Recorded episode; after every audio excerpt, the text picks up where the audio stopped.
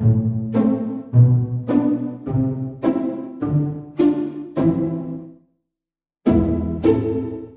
skrive en videnskabelig artikel er et håndværk, som mange skal lære, og som er sværere, end man skulle tro.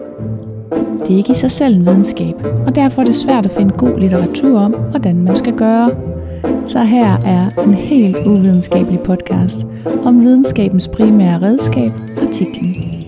Jeg hedder Anne Stine. Jeg er uddannet forsker og arbejder som epidemiolog inden for kvalitet i sundhedssektoren og som postdoc ved Forskningsenheden for Almen Praksis ved Syddansk Universitet. Med mig i studiet er Pia. Hun er postdoc ved Radiologisk Afdeling på Odense Universitetshospital, og Nina, som er medicinstuderende og i gang med sit speciale for Radiologisk Afdeling, også på OUH. Velkommen til en podcast, hvor det sjoveste er intromelodien. Velkommen i Nørdeland. For at sige, noget, for at sige det anderledes. Det er egentlig også alfabetisk, som burde det være. Ja. ja. Så er vi her igen. Mm. I dag skal vi, øh, eller nu, skal vi snakke om øh, metode.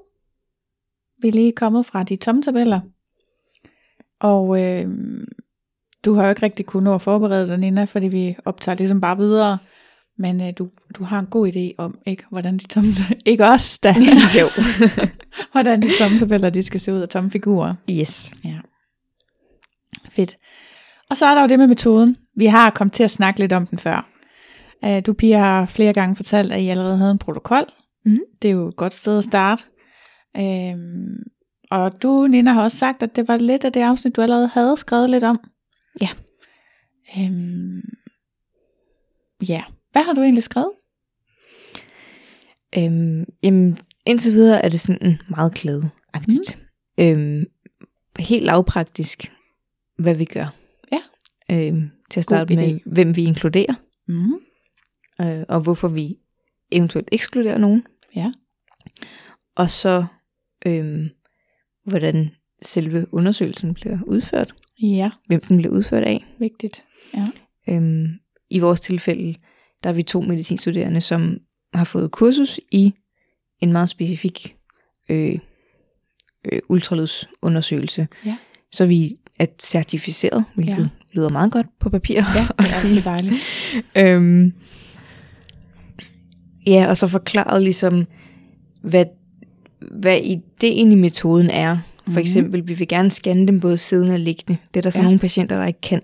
Okay. Der er nogen, der får ondt, når de ligger ned. Mm. Og så gør vi ikke det for, Nej. for deres skyld. Mm.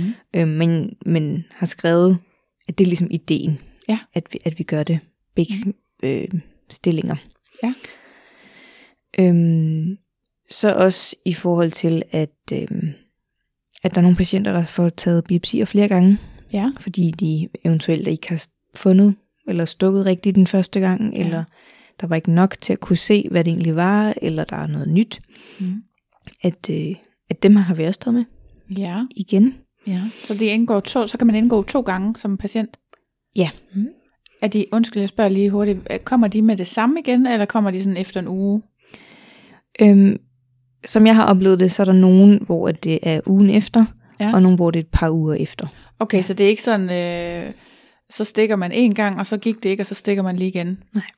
Nej, det er sådan hele proceduren en gang til. Ja, fordi ja. det er på basis af analysesvar, hvis den er inkonklusiv, eller hvad det hedder, Ja. ja. så laver man en ny biopsi. Mm.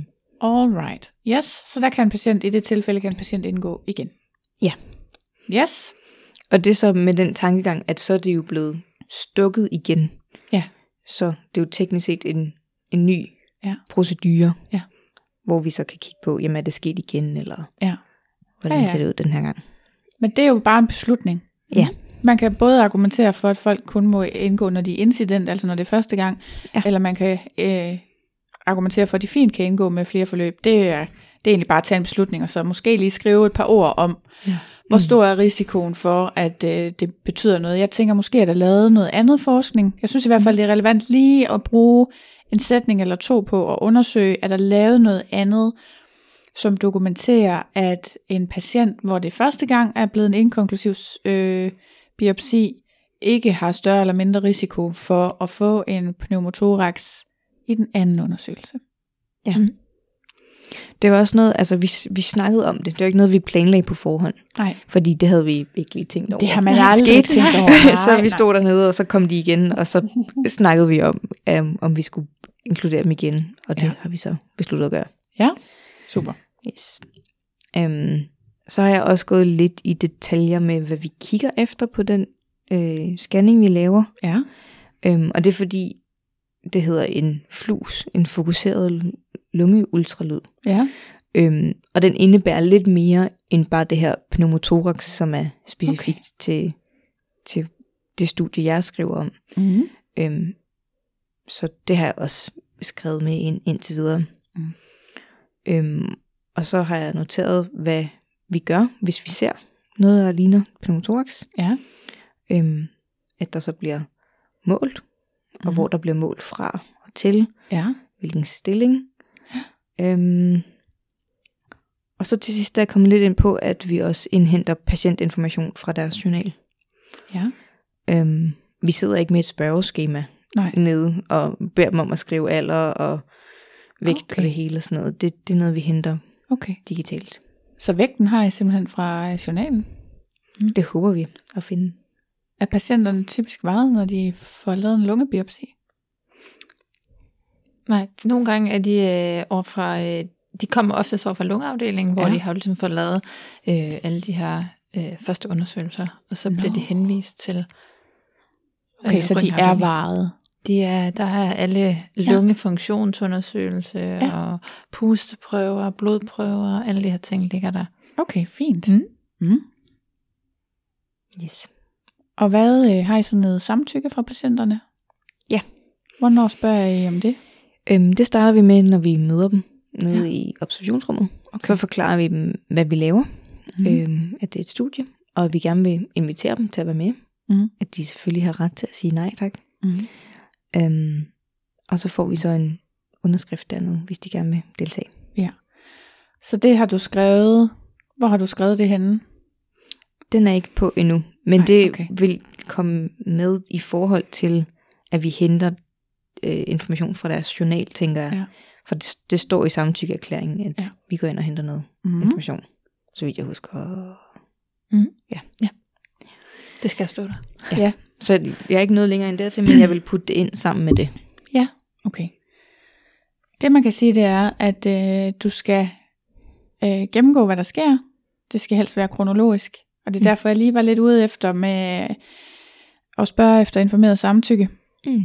Fordi øh, på den ene side, så er det noget, der skal stå under etiske aspekter, som er den sidste del af metoden, som vi ikke skal tale om lige nu.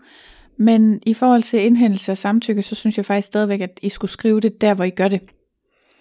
Øhm, men det kan godt være sådan en vurderingssag, om det skal stå der helt op i starten. Sådan det første, mm. vi gør, det er at spørge patienterne, om de vil være med. Altså, Mm. det er ikke sikkert. Men, men grundlæggende vil jeg sige, forsøg at holde det kronologisk.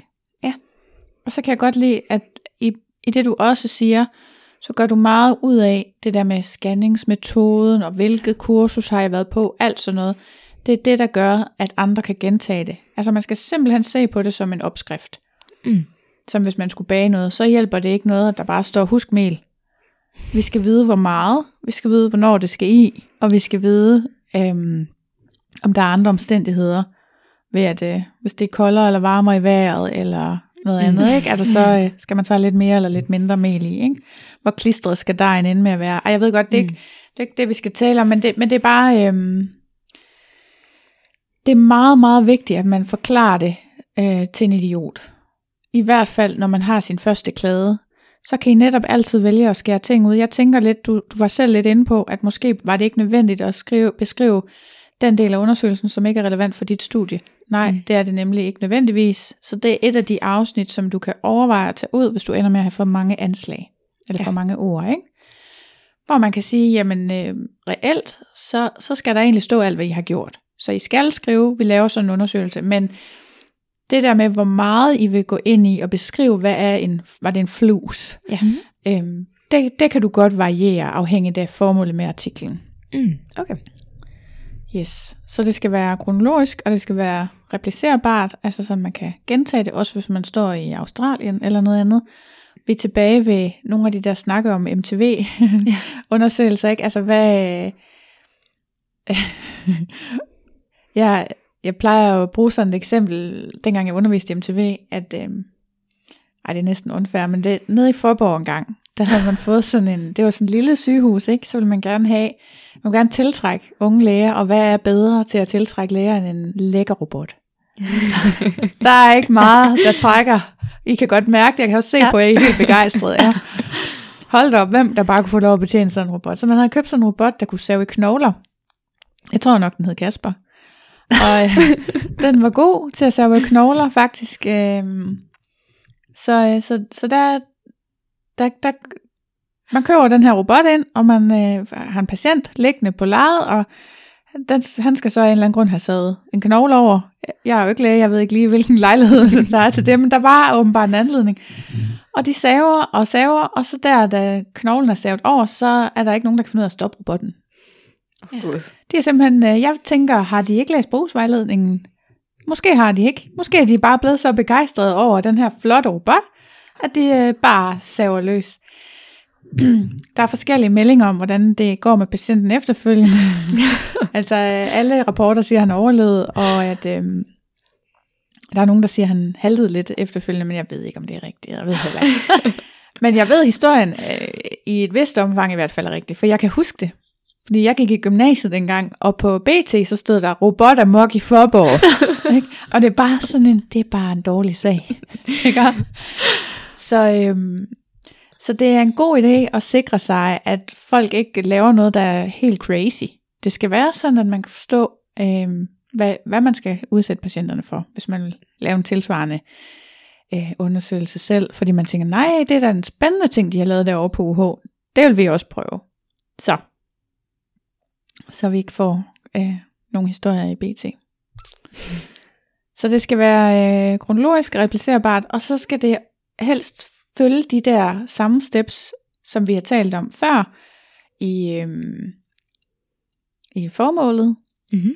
Så at så vidt muligt i hvert fald, jeg vil sige, kronologi går forud mm. for formålsrækkefølgen, men så vidt muligt øh, imødekomme begge dele. Og det skal selvfølgelig også beskrives, hvordan I har indhentet alle de der målinger, og netop kommer det fra en journal, eller er det fordi I selv har været ved at veje patienterne, eller mm. Mm. alt sådan noget, ikke? Ja. Altså, og der er så mange ting, jeg har fundet ud af øhm, med tiden, at sådan ting som et termometer, der kan du ikke, du kan ikke sammenligne temperaturmålinger på Nej. en patient fra en afdeling til en anden, fordi alle termometer er åbenbart sådan lidt deres egen. Ja. Og om det er, nogen måler det i øret, og nogen måler det på panden. Ja, ja, ja. Ja, I munden. Vi ved det jo nu her fra coronapandemien, som vi sidder ja. midt i, ikke? at man får, så har man fået sat sådan et termometer på der mod panden, ja. så de øh, virker sådan lidt som en pistol, ikke? nu skyder vi lige din temperatur. Det er i hvert fald vigtigt så at sige, hvad for en slags termometer man har brugt, og så videre, og så videre. Ikke? Mm. Så det skal virkelig være sådan, der ikke er noget at tage fejl af. Og igen, man kan godt risikere, at der kommer lidt mange ord på, og der må man altså få lidt hjælp så af sin, øh, ja ikke af sin vejleder, men så er nogle andre til at skære lidt ned på mængden af ord. Ja. Mm. Og der kan det være en god idé at tage sine øh, medstuderende eller kollega og bede dem om at læse metodeafsnittet, ja. og så øh, genfortælle det. Ja. Hvad de ja. har forstået. Mm. God idé. Og det skal selvfølgelig ikke være... Øh, ikke hende, der også laver det. Nej, Nej. det skal ikke Nej, det skal faktisk nok helst være en, der er på en anden afdeling. Ja. I virkeligheden, når jeg laver den her slags øvelser med folk, øhm, også med pikospørgsmål og sådan noget, så plejer jeg at sikre mig, at de kommer fra forskellige specialer. Ja. For at, øh, at man lige tvinger sig selv til at tænke, der er utrolig mange ting, man er vant til at gøre på en bestemt måde. Så får man lige tvinger sig selv til at blive lidt mere detaljeret i sin forklaring af, hvad er det egentlig, der sker med patienten. Mm-hmm. Og man kan simpelthen så nemt komme til at sige også bare, øh, patienter, der kommer ind på UH, jamen, mm det kan andre bruge til ingenting. Fordi især når man er i udlandet, hvordan skal man så vide, hvordan at man her i Danmark vælger, hvilke patienter det er, der kommer ind på et sygehus. Så der skal ja. meget mere beskrivelse til. Ja, men det virker som om, du har godt styr på det, Nina. så det er ligesom første del af metodeafsnittet. Har du nogle spørgsmål til det? Nej, det tror jeg ikke. Er du klar til at skrive, skrive det færdigt? Jeg er klar til at forsøge. Det er godt.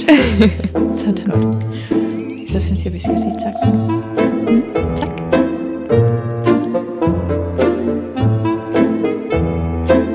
Jeg håber, du har nydt denne lille bid af artikelskrivningens kage. Hvis du vil bidrage til podcasten, se hvad der sker bag om mikrofonerne, eller deltage i et fællesskab for nørder om artikelskrivningens fine kunst, kan du følge med på Instagram på profilen publipro.dk. Jeg har også en hjemmeside, den hedder også publipro.dk, og ellers skal du finde mig på LinkedIn eller andre sociale medier under Anne-Kristine Jerry. Tak for nu. Vi ses i Nørdeland.